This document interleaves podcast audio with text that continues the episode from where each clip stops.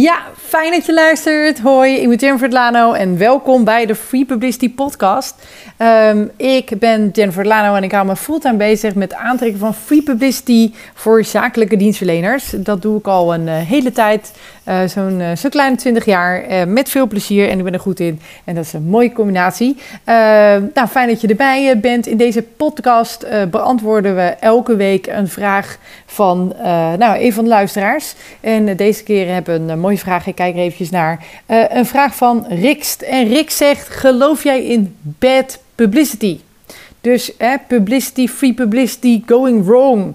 Um, geloof ik dat er zoiets is als bad publicity. Madonna zei altijd, there's no such thing as bad publicity. Uh, maar ja, dat is natuurlijk een popartiest. Uh, en die, uh, nou ja, hoe meer publiciteit, hoe beter het is. Want hoe meer publiciteit, hoe meer je verkoopt natuurlijk. dan, nou ja, elke keer gebeurt er weer wat nieuws. En dan maakt het allemaal niet zoveel uit.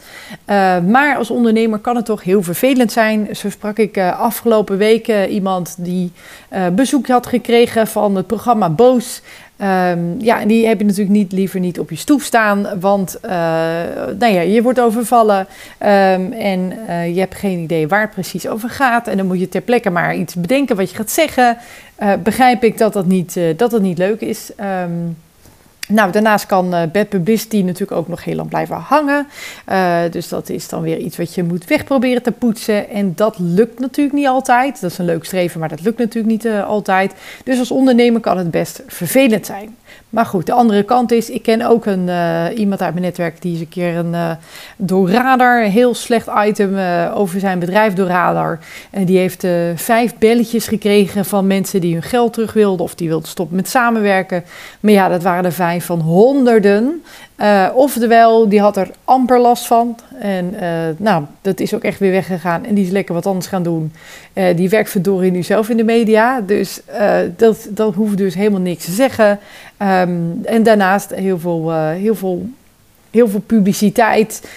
tegenwoordig maakt het ook iets minder uit of het wel of niet positief is. Dus heel veel publiciteit aantrekken is dan belangrijker dan of het positief of negatief is. Dus nog een keer terug naar de vraag: geloof je in bad publicity?